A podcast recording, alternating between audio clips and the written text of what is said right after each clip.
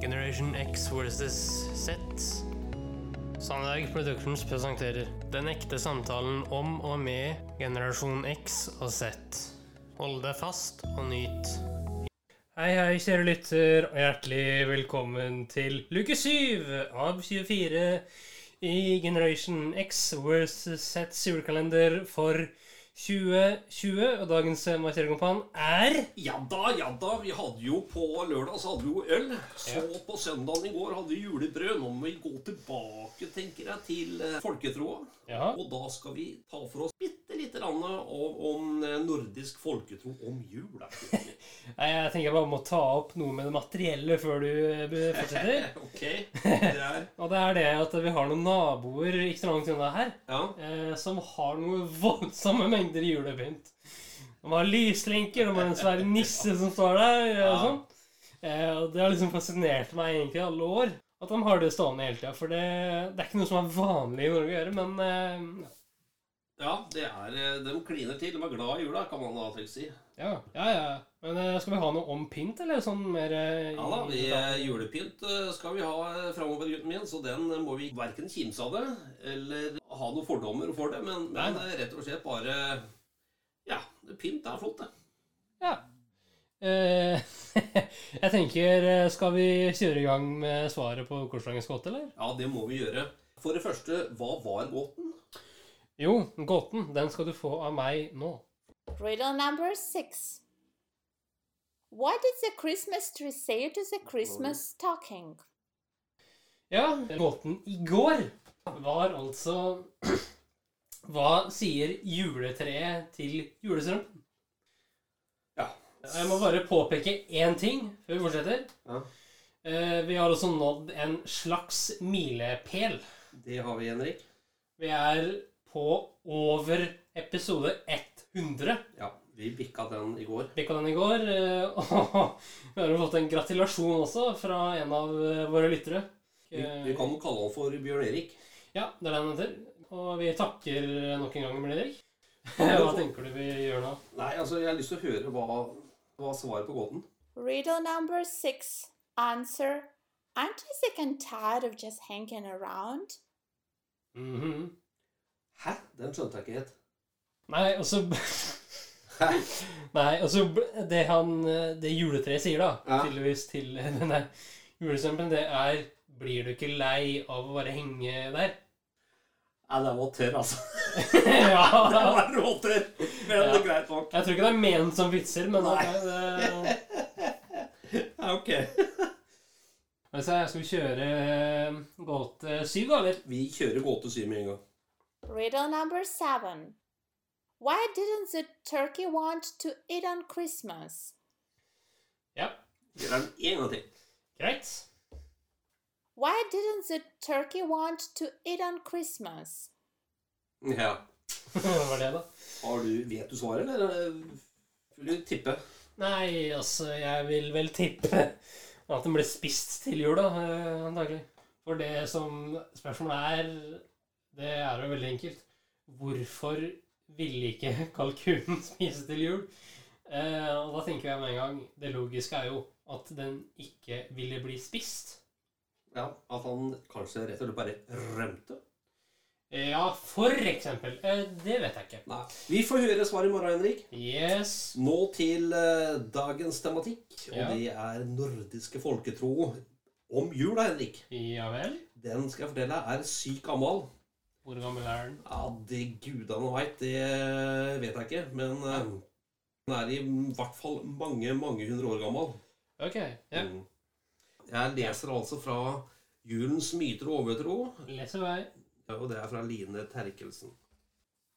Ifølge nordisk folketro lå julenatta ved åpen, vid åpen for at alle slags underjordiske vesener kunne vise seg eller gjøre seg gjeldende på de verste måter. Ingen av dem hadde gode hensikter. Det tryggeste var å blidgjøre skremte, og til det hadde man sinnrike, detaljerte regler. Som at eh, badstuen måtte holdes varm for onde ånder. Det kunne hende at de ville ta badstue, de også. Folketro og åsatro var for svenskene som for nordmenn et sammensurium av regler drevet av frykten for å terge på seg krefter som lå utenfor deres kontroll. Og denne frykten var som sterkest i jula, da også det meste kunne gå på tverke. Selv om folketroen var et fellesnordisk og dypt forankret tankegods i tidligere tider, og den vanlige svensken og nordmann delte hundrevis av år mye av de samme juleskikkene og skrekkene, var det mye som skilte de to nasjonene. Da Petrus Gazalander ga ut sitt skrift beskrivning om svenske allmogens sinnelag, seder etc. på 1700-tallet, var det et Sverige som spilte en betydelig rolle i Europas maktspill. En stormakt som stadig lå i krig med sine naboland, bl.a. ingen ringere enn Russland og tsar Peter den store. Til sammenligning var Norge underlagt Danmark, og alt av betydning ble bestemt i København. Det var mildt sagt skrinne kår for nordmennene både intellektuelt og økonomisk. Men svenskene hadde altså overskudd til å utgi en bok om den svenske allmuens natur og skikker. Sverige var også en akademisk og intellektuell høyborg. I dette miljøet opplevde man på denne tiden en økende interesse for å skildre den allmenne svenskenes hverdagsliv etter førstehåndsobservasjoner, og det var særlig takket være én svenske av internasjonal størrelse, nemlig Carl von Linne. Selv befattet han seg lite med folkeminnebegransning, men de vitenskapelige metodene han brukte, hadde ringvirkning i all forskning. Prest Gassalander verk handler om den svenske bondestanden på 1700-tallet som selv forteller om hva de gjør for at de skal gå dem godt i det hinside. Og mye står og faller på julehøytiden.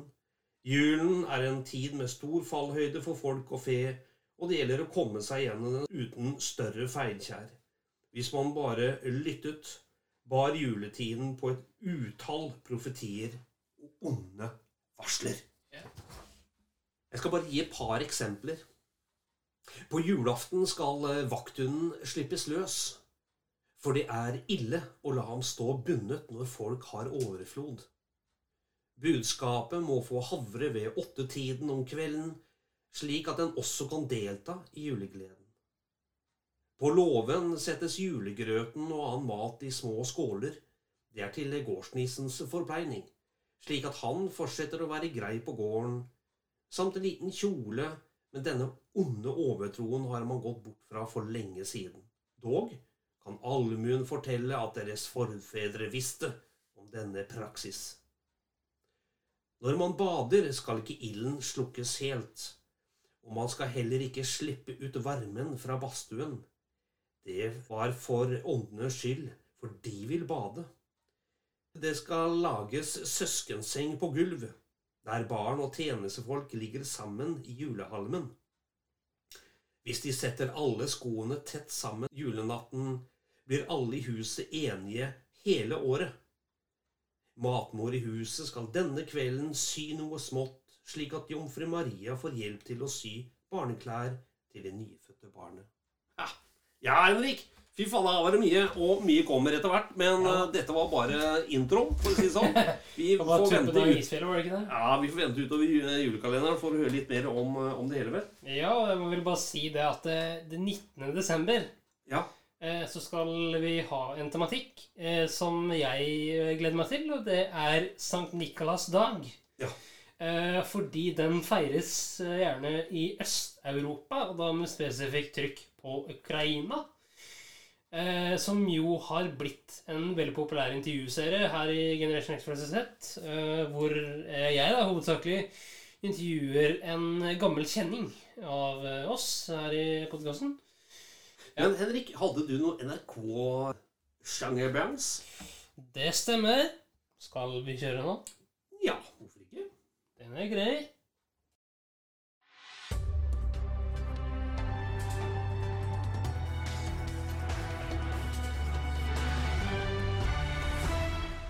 NRK-hjørnet.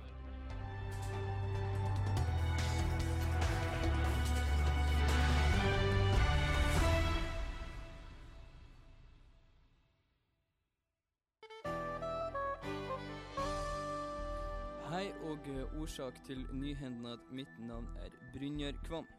Innhendnad. En mann i 20-åra ble seint i går kveld funnet drepen i Jotunheimen.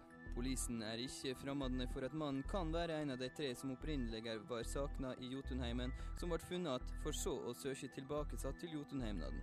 Mannen, som skulle bevislegge at han kunne melde seg savna sjøl uten et gjør det sjøl hovedredningssentral-kit, fikk altså ikke muligheten til det, ettersom han i går kveld ble brutalt drepen på bestialsk vis. Eh, Politierne vil ikke si noe om drapsmetoden, men de utelukker ikke kjøttøks. Førebels er de to eh, opprinnelige turkameratene mistenkte for drapet. Det er tre ting som peker i retning av disse to, sier senioretterforsker ved Jotunheimen politidistrikt til Nyhendnad. For det første så har de motiv. For det andre har de kriminelle rullebladene. Og for det tredje satt begge de mistenkte ved sida av den drapne med hver sin blodige kjøttøks i hende da denne drapne ble funnet, heter det. Så blir det spennende å se da om vitsinga kring drapet blir råka av røyndom. Utenbils.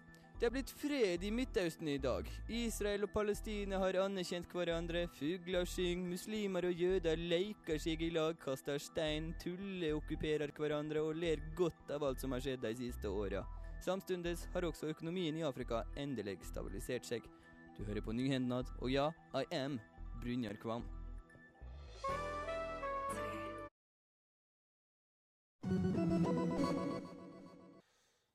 Ja, ja, ja. ja.